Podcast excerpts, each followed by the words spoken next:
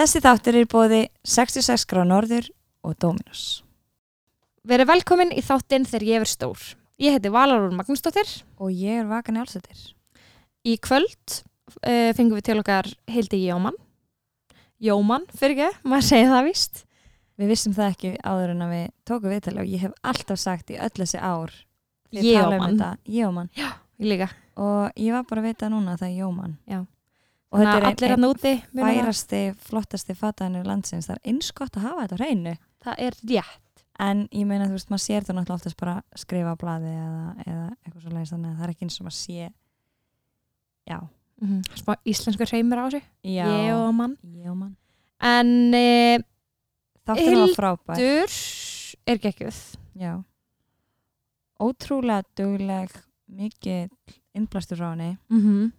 Og ég svona mikil þraut segja í henni finnst mér líka Mm -hmm. og maður getur tilengað sér alls konar frá henni Mm -hmm. Búin að reyka búð núna, sína eigin búð í hvað, tvö, þrjú ár Já og búin að vera með sitt brand alveg fyrir ekki lengi sem er erfið að segja það, ég meina hversu margir koma úr LHI og segja já ég ætla að vera minn eigin listamæður með mitt Mhm. eigin nafn og, mm. og poppin á markaðin mm. Mhm. það er bara drull erfitt og ekki eins og þá hún er líka komin út í til bandreikina og Mhm. er í hérna já er að uh, selja fötu sín á bandreiska markanum og er að koma núna til Breitlands og hún er í Kanada og annað. Ég held að segja eitthvað sem að fólk hérna kannski átt sig alveg á sko. Já, án fullt- ára svona stór sko. E, Njótið þáttarins.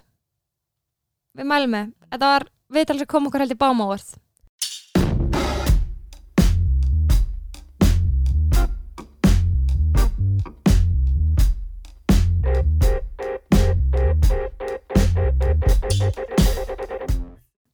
Vertu velkomin til okkar Takk fyrir.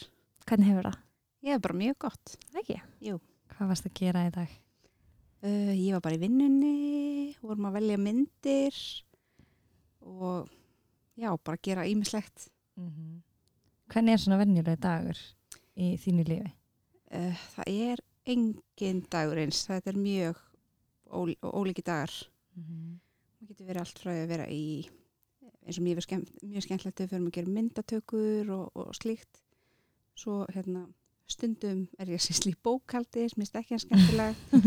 svo er hérna stundum er ég í búðinni að þú veist uh, bara aðstofa kuna svo er náttúrulega stundum að hanna líka og fara yfir rosa mikil e-mail samskipti við versmiðina og náttúrulega svo versluðina líka inn önnu merki í búðinni þannig að hérna það þú stundum maður að senda líka e-maila á þau þannig að jú, mi mikið e-mail stús Hvernig leggst hausti í þig? Já, ég er bara svona nokkuð, nokkuð brött sko. Mér er stálega pínu erfitt að, að sumar þessi búið. Mm -hmm. Það er allt svo skemmtileg tími, en svo get ég fara að byrja að laka til jólana. Ég er svona frekar, frekar mikið jólabatt sko og það er líka alltaf svo mikið stuð í, í verslun um jólin. Mm. Það er svona einn uppáhaldstími minn. Gækja Reka nýri miðbæ.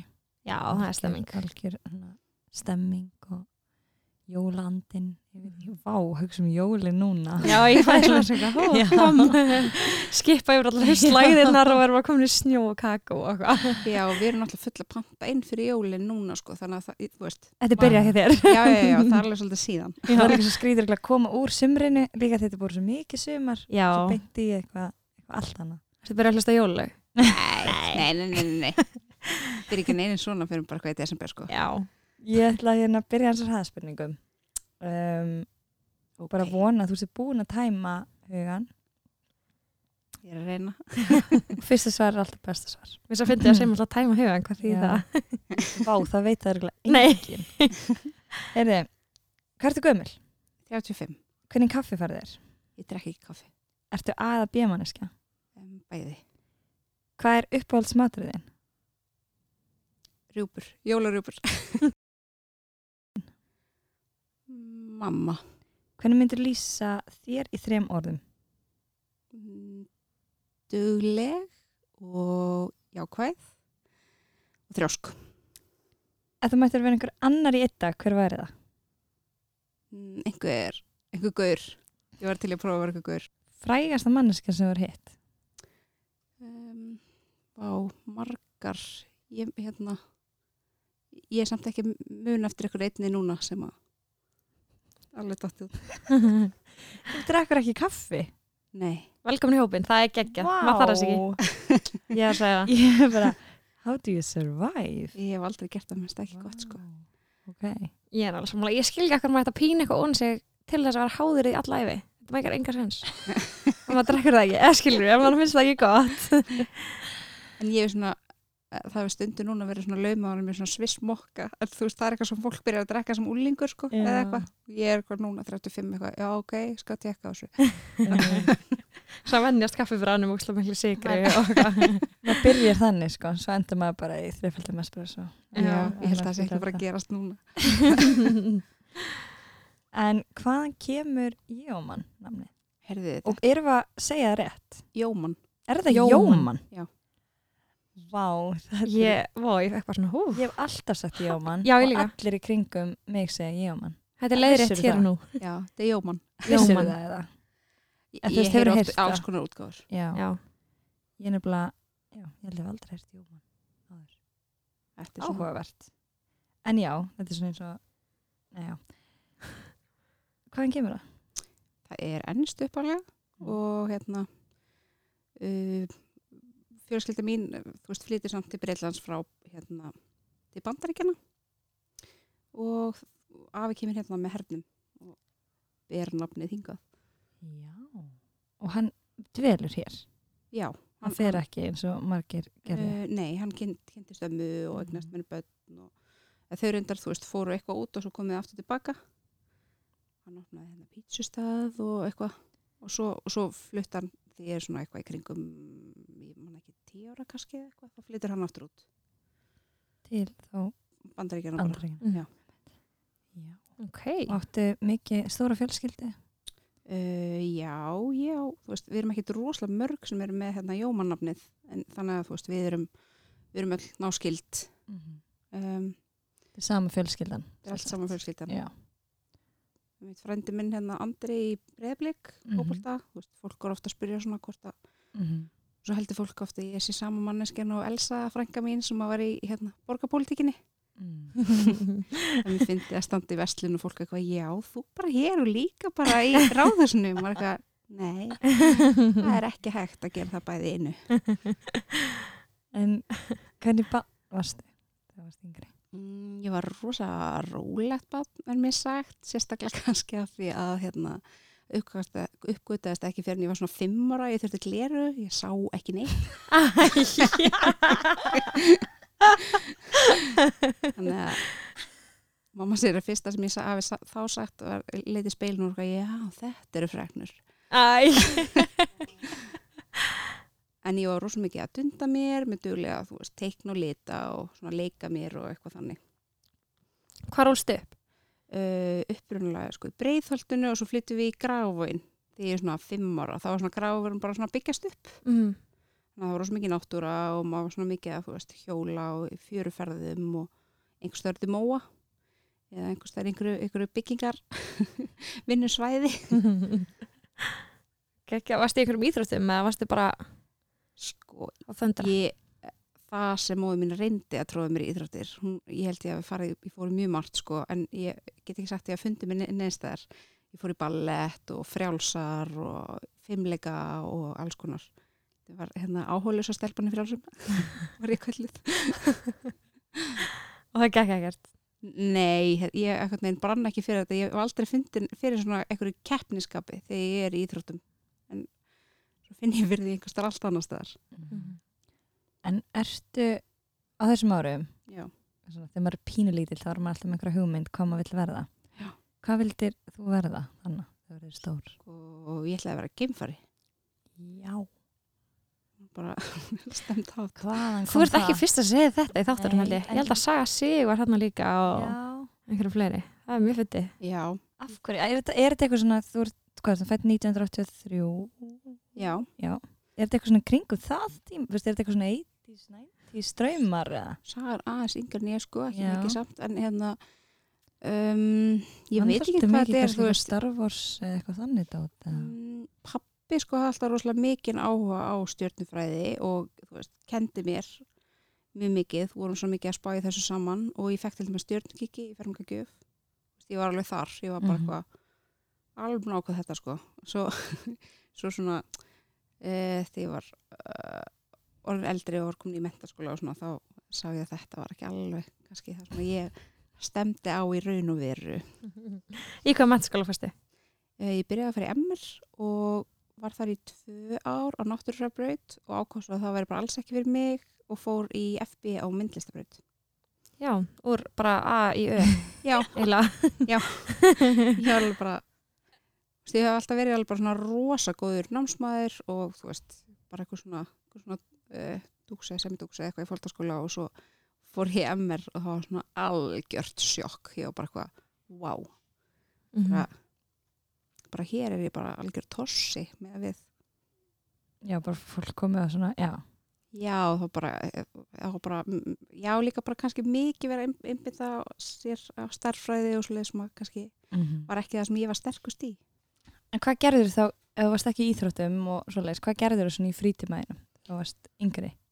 Ég teiknaði rosalega mikið og ég horfði mjög mikið á alls konar þætti og dýrilismyndir og svoleiðis og ég las mjög, mjög, mjög mikið. Veist, ég var náttúrulega í þessum íþróttum, ég var kannski bara alveg að finna mig í þeim. Einmitt, einmitt. En að, út af teikningun, þannig að þú veist, þú mann sér það í þinni hönnun að þú notar mikið að teikningum og, og svona myndlist og, og þannig. Svona Munstur. já, munstur og svo leis. Varstu í, í þannig teikningum þegar varst yngri eða er það eitthvað svona meira sem þróaði með þér? Mm, Ég held ég að vera meira svona teikna einhverja svona heima og búið til sögur og, og, og svoleiðis og bjóra svolítið mikið til alls konar, þú veist, sögubækur og, og, og hérna og þannig sko svona, svo ég að vera að gera eitthvað myndasögur eða eitthvað, en mikið líka, þú veist inn í því var ég líka, líka mikið að teikna kannski, þú veist, föta fólk og alls konar, en kannski alveg svona svolítið að búa til svona, þú veist, ímynda mér alveg svona einhver heila heima sem voru í gangi. Einmitt. Og þú útskrifast síðan úr FB. Varstu eitthvað virk í félagslífinu í mennskóla? Já, ég var mjög virk í félagslífinu. Mér alltaf fundist mjög skemmtilegt að djama. og hérna, um, já, síns var mjög virk í félagslífinu í MR og svo fór ég FB og þá hérna, var það náttúrulega, ég þekkti lengan þegar ég fór í FB, sko. En svo það var svona borðaskipting og allt öðru sem ég kom á bekkakerfi. Uh, þannig ég byrjaði að veist, og kynntist rosa mikið af alls konar skemmtilegu fólki og svona veginn allt, allt annað en endaði svo loksins á svona borði með svona myndlista krökkunum og, og hérna og það er ennþá, þú veist, bara eina, af mínum bestu vinkonum í dag svona vinkonahópur þaðan. Hvernig fíla eru FB? Varst, fannst þér þú þroskast mikið sem svona í myndlistinni og, og þannig? Já, mér far, eh, þú veist, maður fekk alveg svona, já, ég er komin heim tilfinningu eða þú veist, þetta, þetta var svona eitthvað svona allt, allt, allt annað sko og bara á gaman að fyrir skólan og allt einu var ég líka bara á mjög góði starffræði neða við hinn skólan og hérna, já, all, all, allt bara var eh, bara miklu auðveldara eitthvað inn. Og hvað ert að stefna hana þegar þú ert búið með FB? Hvar stendur þá? Um, ég var ekkert alveg búin að ákveða hvað ég ætlaði að gera. Ég vann alltaf sko í plötubúð, alveg frá því ég var svona 14 eða eitthvað og Stefán vinur minn þar var í fatahönnun og hann svona benti mér á það að það er nú mjög sk- skemmtilegt og hérna ég einhvern veginn svona, já, við vorum í svolítið svona kursum í myndlist það sem að var kannski það er svona mikið verið að deila eitthvað svona pólitísk málefni og þú veist, það var ekkit, það var ekkit svona eitthvað léttmeti eða þá eitthvað að vera að pæla í einhverju svona sérstakri fagufræði, það var allt mi- mjög mikið svona hugmyndirnar á bakvið allt og það var kannski bara aðeins svo mikið fyrir mig, ég var alveg til í bara eh, mei, meira svona, þú veist, ég vissi náttúrulega ekkert hvað tíska var, þú veist, ég hef ekki hugmynd. Maður hafði eitthvað neginn engar fórsendur til að vita það, þú veist, það voru engin veist, það var ekki þetta internet, veist, við vorum ekki það var ekki svona samfélagsmiðlar til að veist, fylgjast með fatahönnum eða neitt, bara nokkur vókblöð og svo Fashion Television sem var svona þáttur í sjónvarpinu sem var því ég var ennþá yngri. Þannig að maður var endur svolítið svona blind í sjón fór bara eitthvað svona inntökupróf og, og komst í gegnum það. Það var okkur að hjálpa mér bara, ég var mjög góð að teikna alltaf þannig að Var endurprófið þá bara portfóljó eða mm, maður sendi fyrst portfóljó og svo hérna fór maður viðtal og svo úr viðtalinu fórum við líka í svona próf.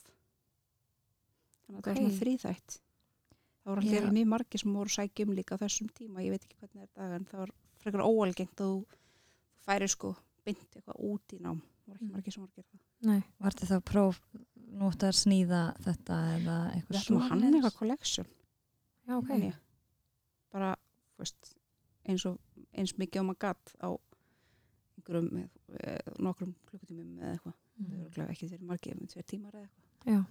Þetta eru 2003 Já. Geggi tíska í gangi Algjörlega. Þú veist, hún er bara svolítið í dag aftur sko. Já, hún er svolítið að koma tilbaka sko. Hver var svona tíska fyrirmynd þín þarna? Manstu það? Mm, ég myndi alltaf að verið, þú veist, svona típur eins og Chloe Sevigny, maður, þú veist, leiti upp til þeirra, þannig að það er alveg svona, þú veist, sömu típur og er alveg í dag, sko. Mm, ég reyna að hugsa hvort það var, þú veist, maður komst alveg í einhver svona, þú veist, einhver ID-blöð og eitthvað þannig og, og maður var svona skoðumslega þannig, ég mann samt ekki eftir einhver einni típu sem maður var Mhm. eitthvað svona stóð upp úr sem einhver rosa fyrirmynd, sko. Mhm. Já, en þetta er eins og ég segi, maður var líka bara svolítið svona að læra, læra inn á þetta, þú veist. Það skrítið að því ég er búin að vera að kenna í listaháskólanum líka uh, í nokkur ár og hérna þá að segja krökkunum að við höfum í raun ekki, þú veist, farið á internetið til að researcha, veist. Við fórum bara eitthvað og fundum bækur eða, þú veist, vorum að, veist, skoða einhver gumil blöð eða, þú veist, bara fórum á myndlistsöfn eða, þú veist, eitthvað svona Mhm. það var, þú gast ekkit eitthvað eitthvað fara á Pinterest eða, eða vera eitthvað að googla eitthvað það var bara ekkert þar að hafa. Mm. Það er alveg öðruvísi að finna veist. já, þetta er, þetta er allt, allt, allt annað í dag nú getur maður meiri verið svona kannski leita að einhverjum, vantar einhverjum hnappa dítila eða eitthvað, þá getur maður svolítið bara svona að googla það. Þarna þurftir bara eitthvað að fara í einhverja bækur og bara svona fletta því upp. Algjörlega. og líka hérna, þegar hann getur kannski verið svolítið svona overwhelming innblásturinn, svolítið svona mikið og allt í dag, já, allt þetta stifið því að þú svona svolítið fær bara svona þarf þetta andað í gegnum hvað það er mikið að koma til þín og segja þér þetta er flott, þetta er flott, þetta er flott, þetta er flott. Og, og, og eitthvað þannig, þú veist þess vegna kannski í dag líka er svolítið bara svona allt í tísku. Já, að því þú sér svolítið bara allt. Þú veist, þú sér svo mikið og sér svo mikið að fjölbreytileika. Já svo, þú ert líka bara svolítið mataður þú veist, það er alveg fyndið, þú veist, það bara uh, mjög mikið þannig að það eru allar að koma með kannski sömu myndirnar og sína manni eitthvað, ég fann þetta og maður, eitthvað, já, þið eru hérna öll með þessa sömu mynd. Já, Mm þú veist, það, því að það er bara eitthvað sem er svona bara inn á veitunum þann daginn, í staðan fyrir að þú far kannski bara í eitthvað gjör og ólíkar áttir sko. að Mhm. þetta getur verið svolítið hættulegt sko. maður þarf bara svona kunna hvernig maður á að nota þetta -hmm. En hvernig var, þú veist, þegar þú byrjar að 2003, hvernig var til dæmis kynjahlutildi í bekknum og hvernig, þú veist, með hvernig varst í bekk? Varstu, Já, það var eitt strákum með Beck, Ok. okay. Andi Guðjón, eitt besti vinni minn og hérna, og svo vorum við, vildi við, cirka tíu allt í allt og þannig að allt hitt voru stelpur. Mm og hérna, ég held að sé, sko, þú veist, það eru örugglega aðeins fleiri strákar, ég er endur ekki að kenna núna, sko, því ég var eignast lilla stelpu, eða svona, hún er á, náskömmul, um, en það, ég held að sé aðeins fleiri strákar, sko, að sækjum núna, heldur en þá, en það voru samt alltaf, minn árun undan voru tvei strákar, ég held að sé, geta alveg verið að sé svona freka svipa, sko, það er bara svona fyrir eftir árum hvað, hvað er margir sem sækja um. En svo þegar þú ferð að vinna úti þá er oft mjög mikið kallmenn sko. Mhm. miklu, miklu, miklu meiri hluti oft. Hvað er það að sé? mm, mm, kannski að því að þú veist vinnutímin er þannig að hann býður ekki upp á þú veist, ef þú veist að vera lengi í þessu fæi þá er mér erfitt að þú veist eignar spöld og svo leiðis þú, bara þetta er, þetta er svona mjög unforgiving Mhm. um að sletta þannig að fólk einhvern veginn hérna, já, fer ofta ekki saman við eitthvað svona fjölskyldulíf eða eitthvað þannig Algjörlega. Og er það að tala um að þú veist, séu fleiri kallmenn sem eru skiljur með sitt eigi brand og sem bara, þú veist, þeir sem fataðunir eða ertu að tala um bara almennt að vinna við fataðunir? e, bara almennt þeir sem voru að vinna við fatahönnun, allan í mörgum fyrirtækjum sem að þú veist ég uh, veist, fór bara aðeins sem internin í það voru kannski konundan yngri þú veist, það svona, þú veist, þegar voru eldri voru kannski bara meira svona saumakona hér og þar þú veist, en þetta er náttúrulega bara allir gangur á þessu sko ég er Mhm. nú bara alhæfi að vera eitthvað sem Mhm. ég var að vinna Mhm. Ég var náttúrulega svo fyndi, ég var, ég var í Indlandi í sumar og var í alveg fimm vikur og þar var einmitt sko handla, konur eru varla að vinna þar ef mér fáar og sérstaklega út á, út á í atvinnulífunu og hérna það er svolítið áhugavert samt að skoða sko þau störf, þú veist eins og maður myndi þá halda að það er kannski væru í til dæmis, myndi fá make-up störfin og okkur svona, þú veist bara eitthvað svona geðið ef maður ætlar að fara að hlæfa þetta allt.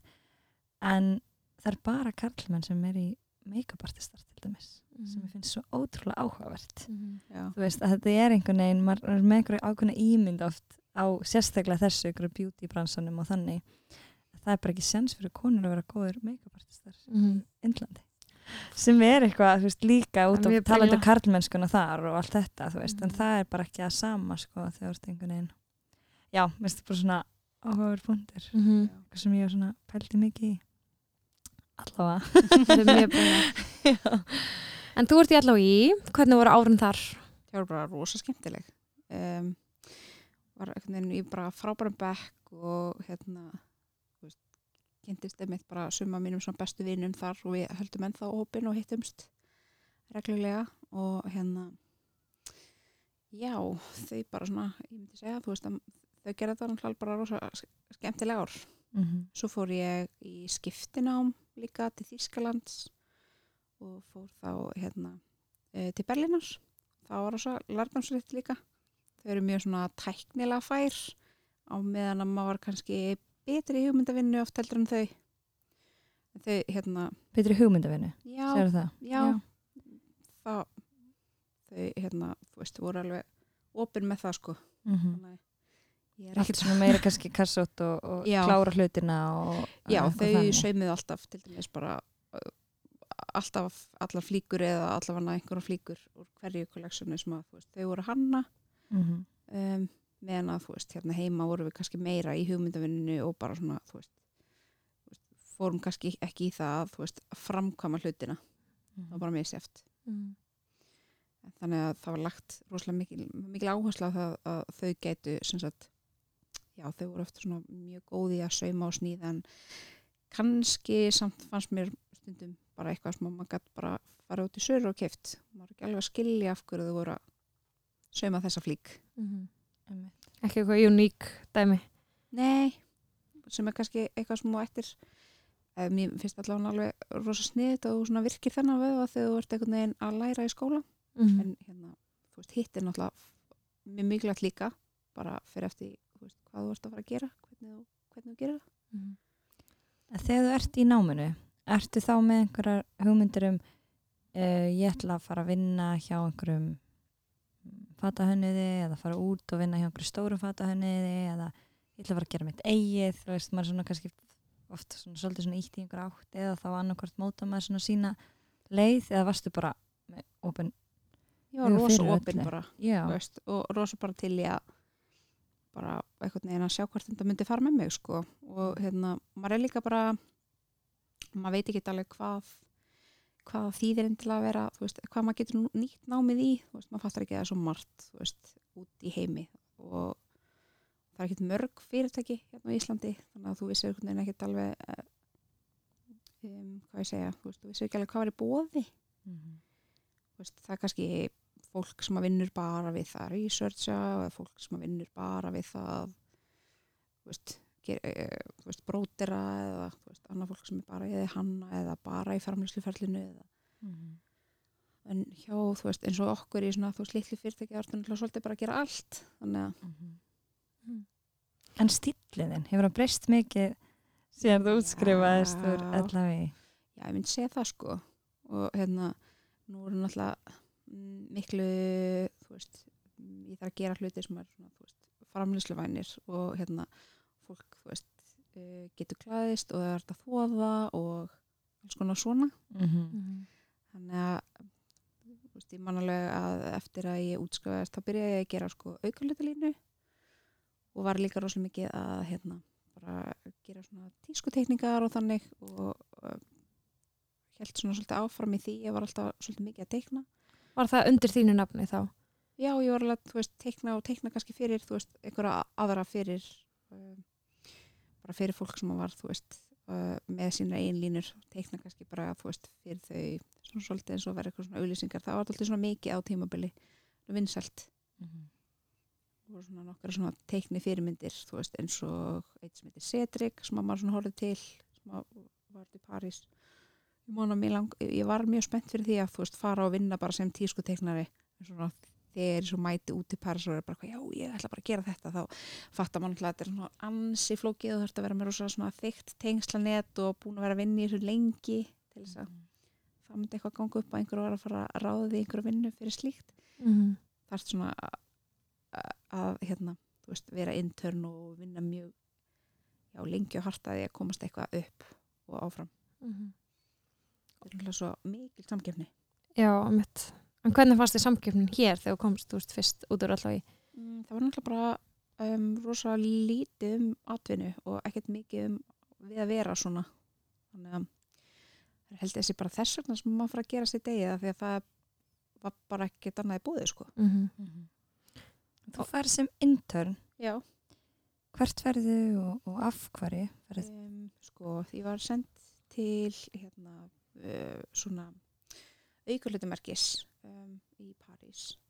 Bara af skólanum, við fórum öll eh, og fórum á mismöndastæði og ég kannski veit ekki endilega alveg af hverju ég var sendið þeirra en hérna, ég fór bara í, í það brótira og alls konar svoleiðist þau eru að gera rosa mikið svona handuna og svona, já, mjög skemmtilega aukurluti, þetta fyrirtæki er ennþá í gangi. Um, það heitir Jaspuki Mhm.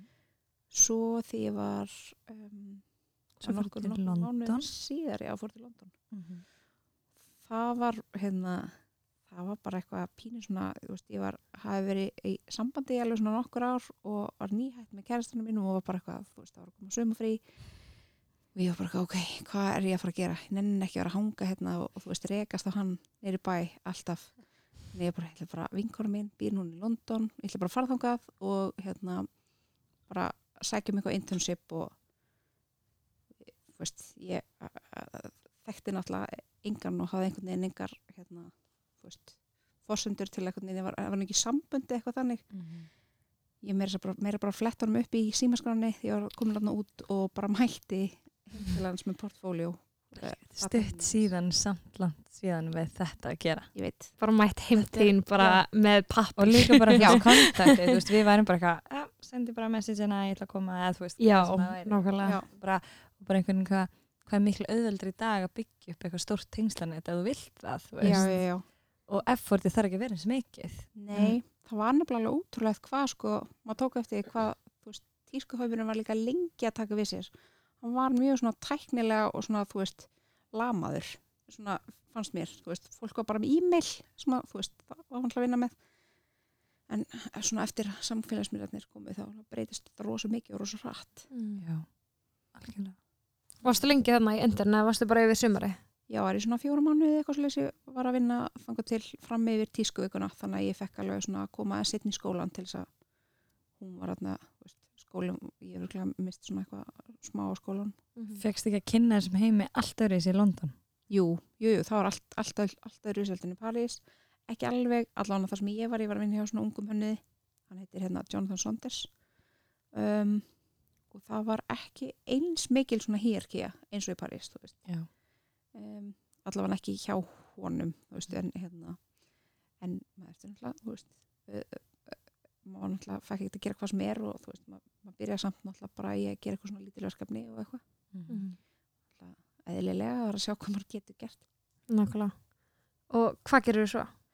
uh, svo kemur maður bara í, aftur tilbaka í skólan og hérna klára, klára skólan þú veist, ég, þarna var mér þess að þetta er áður en ég fer í skiptinum og hérna eftir skólan þá ákveði ég að fara hérna einmitt eh, til Parísina og ætlaði einhvern veginn að reyna fyrir mér þar sjá hvort ég myndi komast einhvert í internship eða eitthvað. Það var bara, já, einhvern veginn aðeins flóknara heldur en ég hafði haldið þannig að svo verður líka búin að kynnast uh, mannin mínum hann byrði á Íslandi. Það og svona- hann fórsaði aðeins í mig tilbaka sko. Þannig að og eh, en ég svona líka, þú veist, var alltaf að vinna svo mikið í fatabúðum og svona með, hérna reyninu ekki fyrir en eftirlista á skólan var að vinna í verslun sem er trílogía sem þeim er. Neip. og og svo var rosalega fallið undirfætt verslun sem ég var að vinna í sem að heit Sistur Mm. það var svona svona 2007 undirfætt Ú, Vá. og Það er svolítið góð því hann svona lýsing Já. 2007 undir Já. Já, þetta var alveg geggja því ég á alveg ennþá gott safnað Já.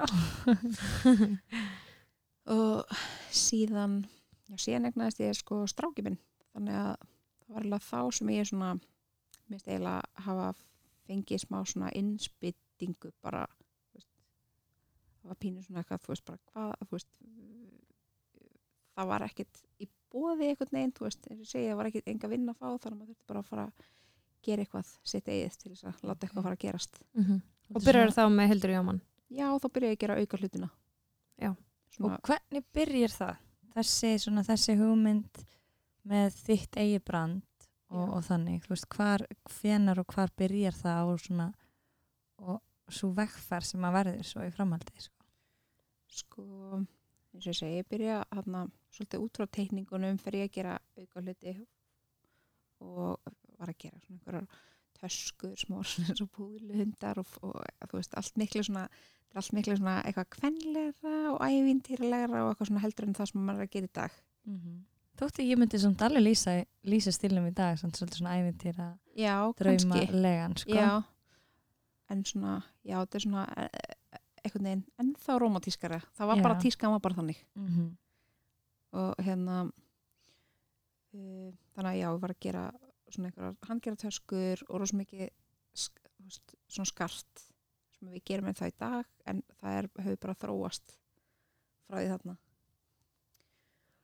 um, síðan uh, er bara alltaf hérna sín ákveði sem sagt það var eitthvað svona RFF þarna fyrir, fyrir lungu lungu síðan.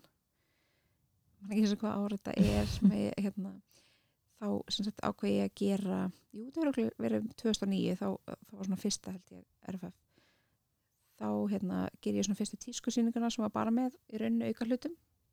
Uh, og svo árið eftir þá, ja, ég held að vera árið eftir þá ger ég tískusýningu aftur en þá ákveði ég gera föt líka sem að voru samt svona sjópísis, það var einhvern ekki þarna sem þú gast framleitt, þetta var allt svona já, allt svona handgert og brótirað og þú veist, svolítið gert hérna heima. En mér líður svolítið eins og ég hafi reynin ennþá verið í skóla bara svona skóla hjá sjálfur mér bara Mhm. til þess að einhvern veginn finna út hvað ég var að fara að gera Varstu ein þarna að gera þetta eða varstu með eitthvað teimi? ég, ég fekk svona kannski bara þú veist hjálp svona hérna og þaðan sko fólk sem kom kannski svona já í smástund og smástund en ekki, ekki neitt svona Engan starfsmann, þú veist? nei, það var ekkert svo leis ég var bara að gera það heima í stofu sko Mhm. og bara hérna og þú veist, þegar við gerum myndatökuna þá var hún bara rosa mikið út í garði sko þannig að um, þú veist, það mér fyndi að var samtalið var ég að, þú veist, hef alveg frá byrjun til dæmis verið að vinna með sögu og Ísaki hérna, vinnu mínum, þannig að það er alveg bara alveg frá sko fyrstu línu. Við verið að, þú veist, vinna tökur saman. Það er mjög skemmtlegt Mhm. Og varst alltaf ákveðin á, þú veist, nafninu og vildir bara nota þitt nafn? mm, ég sko kom ykkur Gli- aðrar hugmyndir. Já, ég er alveg búin að gleyma því. Ég, hef, ég var náttúrulega eftir ég útskræðist þá hafði ég líka farið til London aftur og pröfaði að gera sko uh, línu með vinkonum minni. Það, það hétt einhver öðru nafni en það gekk ekki alveg upp það verkefni sko. En, hérna, þannig að ég það er svo margt svona í lífinu Já. sem að maður fer eitthvað algjör, algjör svona lúpur. Þannig að það var ég búin að prófa að nota ekki mitt nafn sko. Ég, veist, komst að ég bara var alltaf yðveld að það, það bara einhvern veginn svona lábind við, ekkert sem ég var eitthvað svona að pæla mikið í. Svo er maður líka með þetta eftirnafn að þetta er, það er frekar svona, stert já, En mér finnst þú að þú talar um eins og þetta að þú hafir stopnað eitthvað brand í London og það gekk ekki upp og, og þannig, svo margir sem kannski einmitt segjum fara í eitthvað og það kannski gengur ekki upp og Já. kannski bara hætta eftir það. Eða þá bara, já já ok, nú fer ég bara eitthvað öryggi eða nú fer ég að gera eitthvað eitthvað allt annað, þú veist, Mhm. hvernig einhvern veginn kemur úr því og, og þú veist, dílar við það og bara svona Já, einhvern veginn alltaf, þú veist, verið, uh, eins og segja, ekki með þetta keppniskap í íþróttum, en það er mikill drifkraftur í þessu sem ég er að taka um fyrir hendur og það er veginn bara, hefur, uh, ég veit ekki, hefur veginn aldrei, er aldrei dott í hug að vera bara eitthvað, já, nú hætti ég. Það er, þú veist, maður bara einhvern veginn, maður gera bara næsta, veist, það er hérna, það gengur ekki alltaf allt upp og svo bara prófa maður það eitthvað annað að breytir einhverju og það er líka bara svo mikilvægt upp á að þú veist læra og þú veist bæta hlutina og breyta og þróskast en listamæður Já. og svona Mhm. Varstu með eitthvað ákveðna sín þarna, þú veist, hvernig brand þú vildi byggja upp, þú veist, varstu með eitthvað svona, eitthvað koncept sem þú vildi vinna með eða hildar sín yfir eitthvað hvert þú vildi fara? Nei, í rauninni fyrst þarna er ég svo mikið að gera eitthvað hluti sem eru bara svona og ekki hægt að framleiða og var tóltið mikið kannski hrifin af einhverjum svolítið svona haute couture Mhm. dóti, þú veist, þó ég, þó ég hefði alls ekki sko í rauninni veist, mentun til þess að gera þannig hluti að því að þú veist, það er alveg fólk sem er alveg svona sérstaklega fært í að brótira og svona. Ég var meira að gera þetta svolítið svona kannski á næfhátt, bara svona með svona mínum aðferðum. Svona að retta sér, kannski svona smá peng í því. Mm, og síðan um, svo, þú veist, held ég alveg nokkrar þú veist, ég ég held ég hef haldið allavega þrjár svona sýningar áður en að ég ákveði einhvern veginn, já já, næsta skref er að fara að gera eitthvað sem að er framleiðsluvænt Mhm. en hérna var samt alveg búin að fá alveg svona, þú veist uh, hvað ég segja, þú veist svona meðbyr með það, þú veist, að það væri einhvern veginn svona stemming fyrir því að ég myndi gera þetta veist, ég hef búin að hitta fullt af einhvern veginn svona er, eh, erlendum, þú veist, fjölmjöla fólki sem að vartaldur svona eitthvað að þetta er áhugavert, þú þarft að gera þetta til þess að, þú veist, þetta þarf að vera eitthvað sem fólk getur keift á Íslandi líka Já, bara, Eða þú bara- veist, prentin og veist, Mhm. fólki fannst þetta mjög, hérna, fannst þess að þetta væri svolítið svona leiðin sem ég ætti að fara Mm.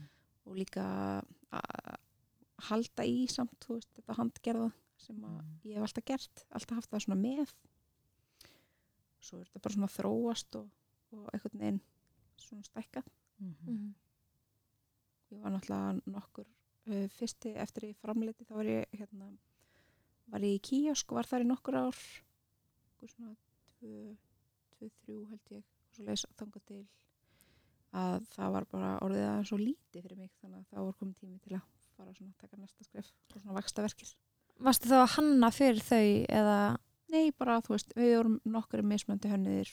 já, bara saman? Já, saman. Þú ert 32 ára cirka þegar þú ert að opna cirka um þrítögt Já. að opna þína fyrstu búð Já. og hver sparkaði þér í það hlutverk? Varst það þú sjálf eða er einhver annar sem að svona, Uh, öruglega alveg bara nokkrir, þú veist. Bæði það gæti einhvern veginn ekki lengur verið, þú veist, í hér sko þetta þurfti að fara eitthvað annað, þú veist, það var ennþá og bara meira, meira demand einhvern veginn. Og ég þurfti að, þú veist, stækka línuna. Og var svona bara búin að sprengja utan að mér. Og hérna, þannig að uh, það eru margir sem örgulega vilja opna sín einn búð og sérstaklega með sínum einn vörum og, og hlutum. Hvað hérna hvernig fer maður að þessu? sko, maður getur náttúrulega ekki gert þetta einn. Ég til dæmis, hún er steinun eiga sem er að vinna með mér, hún er algjör snillingur. Algjör snili Já, og hérna, hún búin að vera að vinna með mér frá því að ég opnaði búðina. Og hún er bara svona í, í hönnateiminu um, og síðan höfum við, þú veist, bætti við okkur. Fyrst voru við bara tvær að vinna þarna og síðan bætti við við auka starfsmanni sem á meira svona vinni, þú veist, sér meir um búðina þannig að við getum verið að svöra allir með þessum e-mailum og síðan hérna, svolítið svona veldur þetta upp að segja svona kemur fer svona eftir því sem að maður hefur efna að fá auka starfsmenn og fleira. mm. En hvernig, þú veist, eins og bara hvernig byggir upp, þú veist, hvenær gefur þau tíma til að skapa, til að búa til uh, línu og þú veist, hvenær ertu bara í einhverja svona business dæmi, þú veist, ertu með eitthvað tímabil eða þú veist, hvernig, hvernig gerir þetta? Já, það er náttúrulega deadline. Þau hjálpa manni mikið. um, það er náttúrulega liður í því að ég geti verið að hanna er það að hafa til dæmis einhvern að vinna í búðinni. Mhm. Það er svolítið mikilvægt. Og ég fekk til dæmis um, tvö ár síðan, þá fekk ég listamannuleun og það hjálpaði mér rosalega mikið í að hérna, geta þá verið ekki eins mikið að vinna í búðinni og vera þá veist, það verður bara einhver starfsmæður þar og ég geti verið að hanna. Því að það, þú veist, þegar maður er að byrja þá þarf maður svolítið mikið að vera að gera allt og þá kannski lendir eitthvað annað undir. En hérna þannig að ég mæli með listamannalönum, þau eru frábær.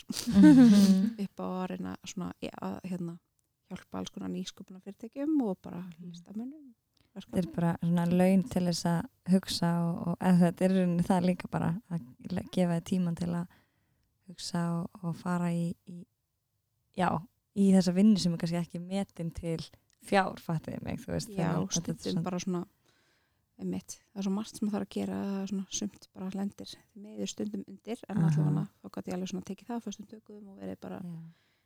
og þú veist, það er þessna sem við gætum sett upp svona stóra sýningu senast bara því að já, því maður var búin að vera þú veist, á fulli að búa til eitthvað fyrir hana. Mhm. Hún var geggjuð, svo síning ég, sást það Nei. ég bara, ég, já, hún var ótrúleg, þetta var bara eins og að komast í einhvern ævindraheim og svo bara þú veist, partíð og gleðin og, og allt sko, þetta var bara ég hafa mikið með hana. Takk fyrir. Mér langaði mig dróðsum mikið að tala um sýningar einar af því að þær eru bara mér finnst það svona algjörlega að hafa brotið eitthvað blað í sko tískaheiminum minna heima svona þú hefur svona komið með eitthvað algjörlega nýtt þar já, bæði varðandi bara þessi sjó og, og svona fatalína, fatalína líka sem að spilar stort hlutverk þar. Hvað færði innblasturum fyrir því og, og hvernig svona gerur þetta projekt? sko, þetta er eiginlega snýst um það að maður er eitthvað að gera eitthvað línu og mann langar svolítið að einhver fá að upplifa í rauninni svona heldar heiminn veist, að, maður, að því að maður býr alveg til típu þegar maður er eitthvað neginn að búa til línuna og veist, maður er svona eitthvað, hva, þú veist, hvað er hún og veist, hvað er hún að fíla og hvað er hún að gera og hérna, þú veist, hvernig lykt er í kringum hún og hvernig tónlist er og, og svo framvegis og svo framvegis. Þannig að þetta er eitthvað svona einhver uh, lungu til þess að fólk upplifi svona bara já, fá svona heldar upplifun Mm -hmm. þannig að það er þess vegna sem að mann finnst svo gaman að gera svona sýningar og svo er bara gaman að vinna með þú veist, öllu þessu frábæra fólki öllum svona dönsurum, mér er alltaf þetta svo gaman að vinna með dönsurum og hefur gert svolítið mikið af því og hérna og eins og ég segði það, þú veist, ég vann svo lengi í plötubúð tíu ára eða eitthvað, þannig ég er alveg svona mikill svona tónlistargrúskari Hvað plötu búið var það? skífunni Nei! Ah. að ripa það að ég var alveg frá því að svona 15 þá til, já, svona 25 eða eitthvað, ég er svona 10 ára allavega Mhm. á laugaveginum eða hann á hotninni bara þetta var alveg bara á lögaveinum, í kringlunni Já. ég vel aldrei með smálendi maður vann líka í músík og myndum og alls konar svona, það var allt tengt maður fær alveg bara svona flassa Já. það er í skífuna Gekka. Mhm.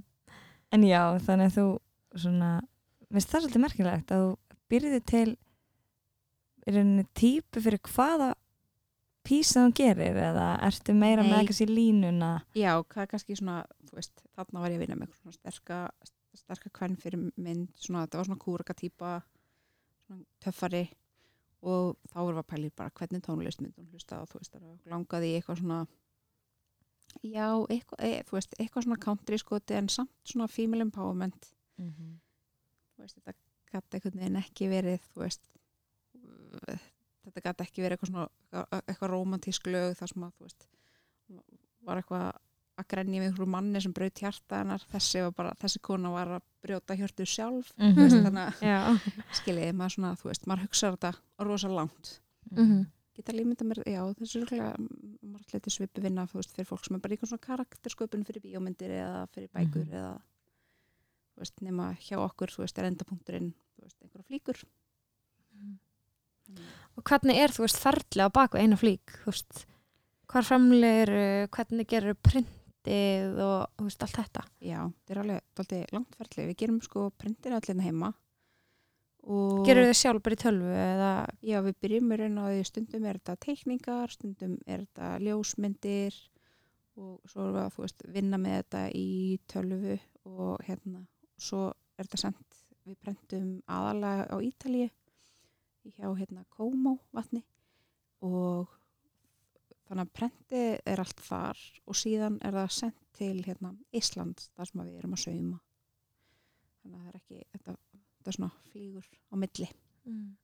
þannig þið prenti efni þá í Ítalíu og það fer það fyrir til Íslands. yfir, það er bara bestu prentararnir þarna og svo hérna, er bara mjög frábær hérna, vesmiða sem við erum að vinna með það sem eru bara svona, þú veist, fullt af einhverjum krútlegum Mhm. gamlum konum að vinna og, og hérna, já bara konur öllum aldrei einhverjum svona saumakonur og, og allt svona, þú veist, allir með hérna, svona góða stað og góð laun og þannig þannig að þetta er ekki, þú veist, þetta er ekki ódýrt Mhm. þetta er ekki ódýr framleysla og svo þarf þetta náttúrulega að koma aftur heim og þú veist, þá hérna uh, náttúrulega laður á þetta, þú veist, tollur skattur og allt svona, Mhm. dóttir í Mhm. Mhm. Ég var að segja, ég kom í búðuna til henni síðustu og ég var að segja, mér er svo merkilegt sko, eins og bara það, ég sagði, þetta er svo ótrúlega flottu leitur á þessari peysu. Svo er bara, en þú veist, pældu hvað er eiginlega erfitt. Þú veist kannski, þeir langar að gera bláa peysu og þú er kannski með bara biljón bláa litur svo fram að þig Mhm. og þú þarf bara, þetta er bláa litur sem ég vil velja. Svona öll þessi fingerða, svona, hugsunarháttur sko, all- allar ákvörðinu þurfa að vera einhvern veginn smell passa svo mikið, sérstaklega þú ert ekki með þú ert ekki með framlegandan við hliðin á þér, Nei, sérstaklega þú veist, þú ert með þetta svona, svona international og, Mhm. og svona, koma þarf og er einhvern veginn veginn. svona að senda e-mail fram og tilbaka með myndum og fá senda Já. pröfur og Mhm. við erum svolítið mikið í því. Já, og hérna, já, þannig að við erum miklum e-mail samskiptum við alla. Og hérna, suma bara á Facebook sko Þegar Ertu-. Ertu duglega að fara út og, og heimsækja og velja efni eða er þetta allt bara sko, um við ákveði? förum hérna til um, Parísar á svona efnasýningar þar og þá vil maður, þú veist, og fer og reynir að finna eins mikið efnum maður getur af því við erum náttúrulega hérna á eigu þannig að þetta er svolítið svona einangrað, algjört vesen og hérna þannig að við, já, við fyrum þangað og reynum að fara þú veist, reynum að fara allavega einu svona ári og eh, svo hérna svo er þessi, þessi efni sem að geta verið bara alls þar að sendi versmiðina Mhm. en náttúrulega lang, við gerum mjög mikið prentað þannig að það einhvern veginn, þú veist, kemur þarna frá Ítalíu. Og svo erum við með prjónaversmiður líka. Þannig að þú veist, þá erum við til dæmis að kaupa gafn í Ítalíu og svo er það sendt til það er um, já, Lettlandi. Þannig að þetta er svona þetta er svona að fara svolítið fram og tilbaka Mhm. Til dæmis bara um, svona típiskur Hildur Jómann kjóll, ég er að vanda mig nú að segja Jómann þannig að hvað er hann lengi í framlýslu? Bara frá allu, myndir ég segja? Mm. Það er það er svona eftir meina alveg bara frá því við hönnum efnið Mm -hmm. það er, um, það er að, ég myndi allavega svona yfirleitt hálft ár það getur alveg verið að Vá. það sé eitthvað sem að fæðist aðeins fyrr og gerist aðeins ræðar en það er svona hefðbundi ferli hjá okkur er já, allavega hálft ár og stundum meira. Ég hef oft pælt í, þú veist uh, fatahönnir og, og bara hönnir almennt er oft svona að hugsa fram í tíman að því að framlýstíminn er svo langur. Já. hvernig ferði það því? Bara vita bara eftir halvt ár þá verður þetta inn eða eftir ár verður þetta inn, þú veist. Þetta er sko ég veit ekki, maður veginn eh, setur, þú veist, býr til þú veist, setur saman mútbord og, og finnur litaspjaldið og þannig. Það er einhvern veginn, stu- þú veist, ég veit ekki maður hittir oft bara á þetta. Ég hérna, get ekki alveg, þú veist, ég fer ekki eftir einhverjum svona trendbókum eða eitthvað svoleiðis. En svo, þú veist, stundum er maður aðeins á undan og stundum ekki, þetta er bara þetta er svolítið svona bæði veist, Mhm. stundum tekur maður líka eitthvað sem maður bara, ok, það vilja allir fá eitthvað svona núna mm. það er um það sem um þessi markaður, þessi balans er okkur á milli markasins og já, crazy hugmyndaflöðsins þinn sem að þú þarft einhvern veginn að kannski að bæla niður þetta og, og byggja hitt upp já, það er svona, þú veist, stundum er maður náttúrulega, já, ég þarf að borga launin og reikningarna og fólk, ég langar í þetta og þá bara ger ég það. Já. Mhm. Er einhver flík sem var bara disaster, bara mannst eftir sem bara selst ekki eitt eintak af. Um, já, það er samt kannski ekki endilega eitthvað sem er disaster, það er bara eitthvað af því að það er bara kannski því mér bara of dýrt. mm. Það er, það er alveg gerst sko. Og hérna, þú veist, það er bara eitthvað geggja efnið og hérna bara kostar of mikið. Mhm. og við erum ofta að svindla á sjálfum okkur og leggjum ekki jafn mikið á eins og við eigum að vera að gera. Þú veist, það er svona, það er svona ákveðin prósent það sem á það leggja á og svona. Og, og stundum oft og oft leifum okkur á að leggja ekki rétt á þetta sko. Og hérna um, það er svona sérstaklega í lægi kannski ef maður er ekki að selja þetta einhver starf annar staðar en ef maður er að selja þetta einhver starf annar staðar líka þá þarf það að vera með nákvæmlega sama verðið og verslunin, þú veist, eins og við erum að selja í bandaríkjanum og Kanada og eitthvað svo leiðis, þá þurfa þau að vera með samverð og við erum með á vefsíðun okkar. A- a- annars náttúrulega viljið þau ekkert kaupa þannig að við kannski leiðum okkur að oft stundum með eitthvað sem er engin kifti í, á þessum verslunum og maður svona getur.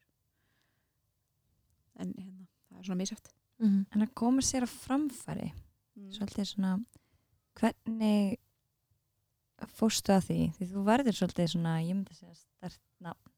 Þú náttúrulega, kannski gerist hægar fyrir þér út af að varst í kíosk og þannig. Þú opnar búðina þá fannst mér svolítið allir vita af, af, af þér og, og, og fegst mikla aðtegli og ert ennþá í dag bara hvernig hérna ég held að sko, þú veist fyrir mér hafa alveg gerst fyrir að fleira Mhm. að vita að mér það er bara Mhm. svona, það, þú veist, svo kemur alltaf ný kynsla Algjörlega. og, og, þú veist og fólk sem að færa pæli í einhverju og, og þú veist, og, og þetta er svona eins og snjóbolt það bætist alltaf meira veginn utan á um, en ég myndi segja að það var náttúrulega hjálpa mig mikið að veist, vera veist, reyna að vera sínileg og hérna, halda þessar sýningar og svona það var, hefur alveg verið svona svolítið stort plattform og þá er maður yfirleitt fengið svona lágkjöldis pressu og svona. Og svo á ég, veist, frábær vinkonu sem heitir Edda sem er stílisti í bandaríkjunum og hún hefur hjálpað mér mikið. Hún til dæmis fekk mig til að fara og gera búninga fyrir dansflokk út í New York sem að heitir hérna, eða hétt sítaleg og er ekki, er ekki lengur starfandi sko um, þú veist, þá það er alveg svona rosaflótti dansarar sem að vera að vinna þar veist, dansarar sem eru til dæmis einn aldansarinn að Beyoncé var þar og wow.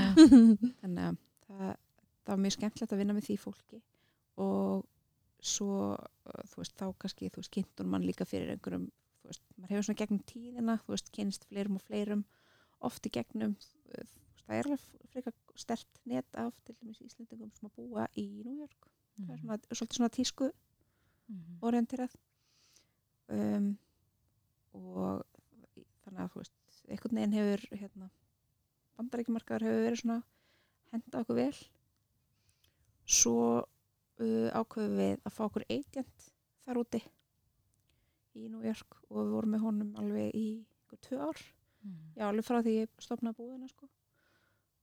Uh, það búið að vera þú veist, rosalega hérna, hjálpa okkur mikið og verið svona þú veist, lærdomsrikt ferli líka. Og hann hjálpa okkur inn í þessar búðir sem að vera með í bandaríkjunum, svo er þetta bara miseft eftir sísoni, hversu marga búið kaupa og svo kannski, þú veist, prófar einhver og, einhver, og það hendar þeim ekki og þá kannski kaupa þær ekki aftur og þetta er bara svona allir gangur á þessu. Um, og svo hérna erum við núna að pröfa að vera með nýjan agent og erum færa okkur þannig að við erum að fara að vera í London núna Ok, spennandi. Þarftu þá, að fara að hugsa út í einhvern annan markað eða heldur þið alveg bara við þitt konsept? það er daldið öðruvísi Já. og þau er alveg á fullið þetta dana að senda mér alls konar eitthvað, "Ég- þú þarfst að skoða meira svona og ég er svona mismeðtekileg fyrir því en, hérna, en það kemur ljós hvað hvað ég tek inn á þessu Mhm. Það er erfitt að segja við listamann hvað hann á að gera. það Sérstaklega- getur verið svolítið flókið sko. Mhm. það getur verið svolítið þver En e, þegar þú byrjaði með búðina við erum smá að fara fram og tilbaka hérna Já. e, hvernig fjármagnar hana? Fegstu styrk eða varstu maður að sopna eða uh, ég fekk engan styrk og ég bara um, ég veit ekki, ég bara tók smá einhvern veginn sjans tók Mhm. bara pínlítið hérna uh, þú veist uh, pínlítið nefndráttur undum að gera allt sjálf.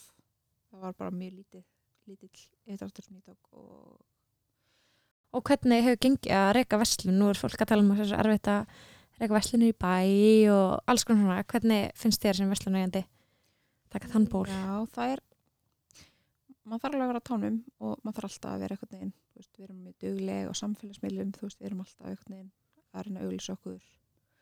Það er svona um, kannski ódýrari auglýsingar heldur en margt annað. Og næður svona til já, svona ákveðins hóps. Um, já, þetta er þetta er, veist, þetta er alveg, alveg ströggl að vera með sína einn vestlun, sko. Uh, en, en það er líka rosalega gaman og stundin gengur rosa vel og stundin gengur ekki eins vel og þetta er bara svona rosa upp og ofan. Maður er svona búin að læra svolítið svona eitthvað já, veist, þessir mánuður eru góðir og hérna, auðveldir og svo þarna þarf maður að býta á jaksliðin og vera þú veist, svona útsjónansamur og hérna, svo er maður bara eitthvað spenntur fyrir jólunum Jólasíson. Nei, en það skiptir samt rosa miklu máli allavega ef maður vill að sé einhver, veist, einhver bransi í gangi hérna að fólk stiði við hann það segir sér sjálft. Annars bara, þú veist, gengur það ekki upp. Því er ekkit rosa mikið að vera eitthvað inn að tala um bara, ó, leiðilegt að sé einhver búðir í bænum ef þú hefði ekki ánga, verslar ekki við þær algjörlega. Nákvæmlega. er, Það er alltaf umgangandi. Finnst þér eitthvað eitthvað vanta við um, íslenska svona já, já, íslenskum fatahönnuðum eða, eða þessum bransa í dag? Kannski bara, þú veist, betra um, vantar svona bara betri einhvern veginn svona stókerfi til þess að hjálpa fólki, þú veist, eins og við erum kannski veist, komin eitthvað áleiðis en, en til þess til dæmis að ná árangri, árangri ellendis, þá það er mjög dýrt og þú veist, við erum ekki með, ég er ekki með eitt fjárfesti á baku með en eitt slíkt. Þannig að hérna um, veist, bara eins og að vera með agent það kostar ekki mikið á mánuði en þú veist, það hérna maður veit samt alveg að það er þess virði. Veist, það er svona þú veist, það er bara svona það er svona oft svona fyndnir hlutir í gangi sem að fólk veit ekki af veist, við erum Mhm. búin að senda um, til dæmis um, fullt af skissum uh, fyrir tónleikaferð sem að Bjónsi fór núna sumar þú veist, sem að veist, við vorum beðin um að senda skissur Vá, en, en, Huge en það er rosa stórt já, en svo, svo veist, það er bara eins og að sækjum algjörlega, atvinnu og Já. svo fengum við það ekki algjörlega. En við vorum allavega beðin og það var líka eins með sér við gerðum mikið af búningum fyrir sér um daginn en svo þú veist um, hún á svona besta vinn sem hún er unni með alla tíð Mm, og hann ákveði síðan að taka sér verkefnið. Já. Þannig að hérna, veist, þá fengum við það ekki sem er Mm. mjög skilinlegt það er ekki hægt að keppa við þarna Bob McKee það er svona ójæft um, þannig að þú veist, maður er alveg að er, fá alls konar svona verkefni í gegnum þetta Mhm.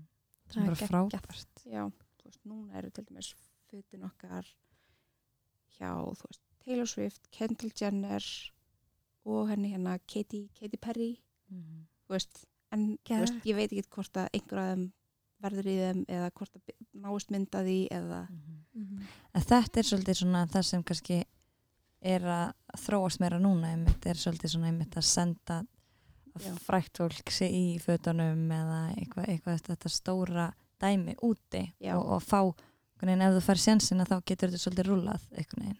Já, og svo þarftu svona, þú veist, þú er samt einhvern veginn alltaf að vera að halda við, Já. þegar það, það er ekkert nóg að einhver sé bara einhvern tímann Einu sinni flík, þú veist, það þarf alltaf svona Mhm. um, en maður sér það bara eins og þú veist með Dani og svona, þú veist, þeir setja bara miklu, miklu meiri pening í þetta og það er að skila sér, þú veist, þau eru með veist, fyrirtæki sem eru að ganga vel það vantar svolítið mikið hérna í okkur þú veist.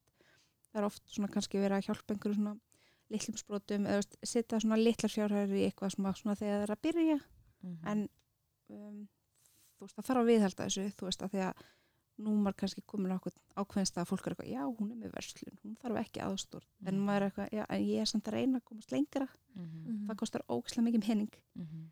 Þú veist, það, hérna, ég, þú veist, kemst ekki e, það er mjög erfitt að komast þangað bara Mm. svona, svona það er frekar þunguróður Mhm. Það er þetta bara risa bransi og útgeðslega erfiður þessi Já. þetta er bara maður er svona valla hérna já, maður er bara svona verður svona lett svona stressar að tala um hann stundum sko.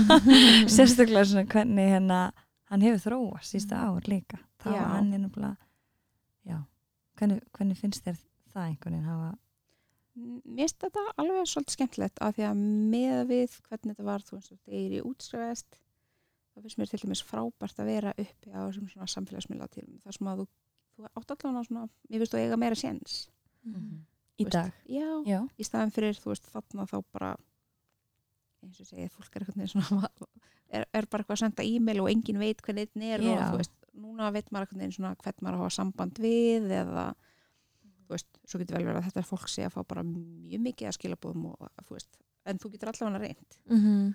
Nákvæmlega eða þá, þú veist, veist þá allavega hvaða agent þú átt að vera hjá eða þú veist, hvaða sölu skrifstofu best eða Mhm. getur svona og maður þarf svolítið bara að, þú veist, spurja fólk sem að maður þekkir í bransanum og svona koma staði líka bara sjálfur svona hvað henda manni, það er mjög sjöft hvað henda hverjum á einum Mhm. Hvar hennar sérði merkið held í Jóman eftir nokkur ár sem 5-10 ár hvert viltu fara? mm, ég var mest til í að halda áfram að vera bara með verslun hér, ekki verslun ykkur stæralendis og vera bara svolítið að keira á vefverslun og hérna og halda áfram með þú veist ykkur stær úti og, og þú veist geta verið, hann geti verið svolítið að senda fötin hinga og þangað og, og hjálpa til við það. En ég held að það sé svolítið svona framtíðin og ég veit ekki einu svona bara ótrúlega misjáft og hvað hendar hverjum og hvernig það er en um, mér finnst svo rosalega mörgmerki allavega svona vera að hætta þessum wholesale business vera bara að selja frá sér og bara gegnum vefsíðinu sinna það er einhvern veginn svona meir og meira um þannig að ég er svona svolítið að sjá hvort að það verði okkar leið eða hvort við ákveðum að þú veist, halda áfram að vera að selja í öðrum veslunum Mm. Mhm. Gekja. Þú hefur heldur betur hérna, gert ansi mikið finnst mér fyrir tískubransinnan heima Mhm. bara einhvern veginn svolítið svona opnað hugan fyrir mörgum sko og bara komið með einhverja allt aðra víbrur inn í hann sko og þú getur, já, bara til hamingi með það og ég er sjúklega spennt að sjá nýju Hvernig kemur Máttu segja eitthvað? Hvað típa er þetta? Já. er svona alveg smá áframhald frá sínist segjastilínu nema núna Ok. erum við einblýna alveg bara dálítið mikið á vestfyrði og vorum að skoða svona um, svolítið svona hérna hverju það voru sem að byggu þú veist á vestfyrðum, þú veist það voru svona útlöðarnir og þú veist svolítið, þú veist svona þetta galdrafár og allt það og vorum að skoða líka hérna uh, við sem sagt uh, það er dálítið mikið af svona uh, hvað ég sé, svona, uh, svona galdraþölum og svoleiðis sem að við teiknaðum á prentin og bróturum í og svoleiðis þannig að við vorum eitthvað svona svolítið fókusera á það Ok, Gekkja. spennandi Og hvernig kemur hann út? sumt er komið sko Ok. við erum hérna búin að fyrstu flíkurnar eru svona mættar það er hérna einhverju rúlukrákjólar og, og eitt svona svolítið skemmtilegur svona blár svona simmerkjóll Mm. Sástur um Já. daginn Var ekki peysan líka Já, eitt sem er svona eins og smá svona innibli eða eitthvað sem get ég renn verið í Oktoberfest jú, jú, jú, Já. Þa, það er sko einmitt, það er hérna þetta er eitthvað svona skelljar og eitthvað svona smera á þessu en ég get vel skilja að þetta er bara teikning það er Já. þess að það smá Já.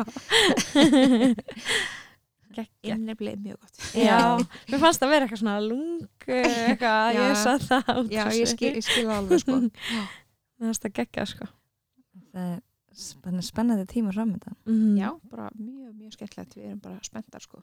Hvað gerur núna? Ertu með, mér finnst hérna hugmyndaflögi þetta er mjög svona áhugavert dæmi. Ég var til að komast inn í hausunar og vita hvað myndir þú sér en hvað hvað ertu í þínu svona besta sóni þar sem þú bara alveg færð þínar hugmyndir og, og þinn tíma til að vera sko, það, það, maður þarf náttúrulega ofta að vera bara svona veist, að finna út úr því, þú veist, á skrifstofun og svoleiðis, en ég hérna, mér veist oft virka mjög vel, til dæmis að fara tónleika þá byrja ég aftur að hugsa alveg bara á fullu og líka að hlusta músik í bíl og vera að keira í bíl kannski, þú veist, það er eitthvað svona road trip og svona. Það hérna, gerist mjög margt þá. En það kannski, þú veist þá kannski er það að gerast svona svolítið í haustum og meldast en, en svo fyrir eitthvað allt annað í gang þegar maður er veist, meira að að skissa á blað og eða þú veist, við vinnum þetta líka mikið saman svo Steinin vinnur, þú veist, hérna, hún er líka hana, þú, veist, hjá mér þannig að þú veist, þá erum við bara hún er að dreipera, þú veist, þá erum við að sko, þú veist, sko, skoða, þú veist, einhver form og alls konar þannig að, þannig að þetta er alveg svona tím líka einhvern svona og þú veist, mannskinn sem vinnur mest í búðinni er ofta að segja okkur bara, já þetta þú veist, þetta er að leggjast vel í fólk þú veist, fólk er ekki hrifið af því hvað þetta er þröngt eða þú veist langar í meira, þú veist, svona eða þú veist, ég get Þú hlustar vel á kunnana og, og Já, þannig. ég þarf að gera það, mér finnst líka rosa gaman að þú veist, vera stundum í búðinni og þú veist, fá, fá svona, þú veist, að hlusta á hvað þeir, þeim finnst flott og hvað eru að fíla og þú veist, það skiptir líka rosa miklu máli fyrir bara mig og okkur, þú veist, að við sem að þú veist, hanna á bara mjög, þú veist, svona fjölbreyttan hóp af konum, þú veist, Mhm. ekki bara þú veist, við erum ekki bara með þrönga kjóla þú veist, það er, það er mjög margir sem halda það ennþá að við sem að gera bara rúlkrækjólin, af því að hann hefur einhvern veginn verið svona iconic Mhm. en þú veist, ég er ekki einhverju size og þú veist, Mm. mér langar líka að geta klæst fötunum, þú veist, þannig að ég er ég er svolítið að reyna að gera, þú veist, bara föt fyrir, þú veist, mismunandi body types, það sem hendar. Það var einmitt búð í miðbænum sem að ég held mikið upp á. Og þurfti að hætta. Og það var einmitt var ég svona áttum að hvað hva var það, okkur gekk hún ekki upp? Og já, það var svolítið hérna mikið íslenska konur eru svolítið hrættar við að sína handleikina sína, Já. eitthvað sem ég hefði aldrei hugsað um. Já. ég bara, ha? Og, og bara, vá, ég hef aldrei pælt í því. Bara já, bara fötum voru bara ekki alveg að passa þessum okkar markaði Nei. hefur einhvern, einhvern tíma fundið eitthvað svona, svona sérstakka þarfir frá íslenska markaðanum versus kannski að því svo fyrir líka túristana og þannig Já, algjörlega, sko, og það, en mér finnst og svolítið að segja þetta með, með handleikina því að þú veist, við hefum verið frekar svona röfi það einmitt að gera, sko, hlýrakjóla. En svo hefur við gert þetta alveg senstu, þú veist, tvö árin, mm -hmm. þeir selst alltaf upp. en selist alltaf Við vorum alveg lengi stressaðar bara eitthvað, ok, við skulum koma með þennan kjól, pössum okkur á að gera ekki á marga, eitthvað svona. Svo, þeir kláruðist alltaf. Geggjað. Þannig að, veist, þetta er, er líka breytast, þetta er ekki alveg, veist, eins og segir, bara þetta, alls konar, já. konur alls konar og, og veist, og svo erum við líka að fá túrista Mhm. og já, það, þú veist, það er ekki einu svona þannig ég geti sagt að þessi eitthvað, það eru bara yngri konur sem að vilja hlýra kjóla eða eitthvað, Mhm. þú veist, þetta, þetta er bara alls konar. Þetta er bara alls konar og við erum ofta að gera eitthvað sem við erum eitthvað, já, þetta er eitthvað fyrir yngri konuhópin okkar. Svo komum bara eitthvað að gegja sko í sér bara um 50 eða þú veist, Mhm. eldri og bara eitthvað, kaupt allt. Og við eitthvað, ó, það er ekkert eftir, fyrir, þetta er bara búið. Mér veist það er eitthvað svo skemmtilegt, bara að fólk sé að koma hann óvart. Algjörlega. Hefur einhvern tíma pælt í að hanna kallkensföld? Uh, já, ég hef alveg, þú veist, pælt í og hef alveg, þú veist, pröfað svona smá. Ég gerði til dæmis svona línu með 66 og þá gerðum við líka smá stráka. Mm, sko máli er að nú er ég bara með eina litla búð og það er alltaf svona um, allt annað einhvern veginn að keitara fyrir kallmenn heldur en konur. Þú veist, það er, eh, þú veist, við erum einhvern veginn með svona lítið, eh, þú veist, lítið svona, ég, al- alltaf að sletta. Svona safe haven hana fyrir konur þetta eru mest konur sem eru að koma að vesla og ég finn alveg fyrir því þú veist bara þegar maður minn allar eitthvað svona að koma og mæta á svæðið og þú veist allar eitthvað að fara að tjatta og ég er kannski ákveður okkur konu þá er ég bara eitthvað út. Út. Nefnum ekki að hafa því hérna. af því að þú veist þeim langar bara eitthvað neginn að vera eitthvað svona eitthvað þælugur rými og vera þú veist að máta og þú veist. Mhm. og hérna þú veist, það er ekki þú veist, kannski, þú veist, nýbúin eignar spann eða, þú veist, er það ekki í þínu fullkomnu formi og það langar ekki að það sé eitthvað maður og eitthvað, það er eitthvað að vera að stressa þig. Þú Mhm. veist, bara, ég er líka, þú veist, lengur búin að komast á því að, þú veist, við erum að klæða okkur upp fyrir aðra konur, við erum ekki að gera það fyrir kallmenn, en það er alltaf mjög sjálfgeft nákvæmlega. Alltaf, alltaf verið þannig. Já. og okkur sjálfur bara. Nákvæmlega. Þú ert að vinna í búðinni, heldur að allir viti að þú sért hönnurinn. Nei, finnst það sko algjör snild að veita að veita að fæstir Mm. Þá farið að heyra allt nefnilega. Já, og líka bara hérna þú veist, mann ennir kannski ekki alltaf að fara alveg í Mhm. eitthvað svona eitthvað, eitthvað dítelaða spjall sem að, þú veist, um hann sjálfan eða eitthvað þannig, en Mhm. það er svona getur verið bara mjög, mjög þægilegt að einmitt fá að heyra alla gaggrinu og allt eða fólk veit ekki þetta er ég Mhm. Það er mjög oft sem er eitthvað bara já er, hvernig gerir hún þetta? Og ég er eitthvað já, hún, hún gerir þetta svo Hún hildur. Alveg frábær. frábær kona þessi hildur. Mæli með. Helfina sem að vinna að mér er líka lengur búin að koma að staðið mér þetta miklu þægilega svona þannig að það er ekkit að leiðri þetta það eru bara eitthvað hlægjandi að bara eitthvað Sure. Það er ógslumandi. Indislegt að fá þig Já, Ég- ef við ekki að spyrja að loka spurninguna sem við spyrjum alltaf. Hvað viltu verða þegar þú verður stór? Mm, bara hamgisum ég, hérna, ég er bara hamgisum og ég var bara til að halda frá að vera hamgisum That's what I like Gekkja. Gekkja loka orð. Takk fyrir Takk fyrir að koma hlusta. til okkar. Takk fyrir að gefa tími í þetta já, takk fyrir að hafa mig, þetta var æðislega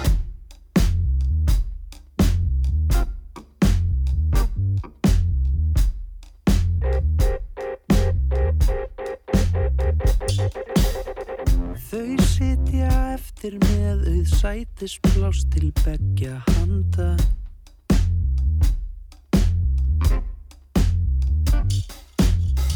Dreipandi sitt á hvað á drikkjunum sem eftir standa.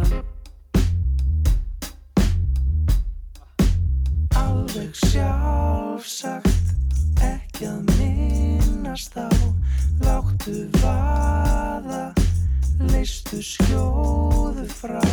Ég segi engum svo krifjast hjartans mál og einhvers andadýr er panda.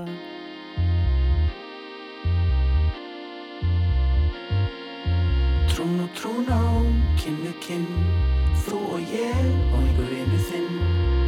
Trún og treyna, trún og við halda Nóttin naum og stórðin við aldra Trún og trún á, kinn við kinn Þú og ég og einhver vinur þinn. Trún og treyna, trún og við halda. Nóttin naum og stórðin við aldra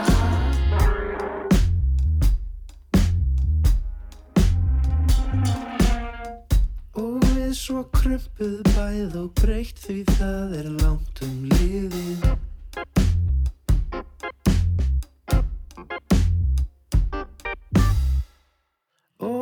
hundruð hunda ára hafa okkar daga drifið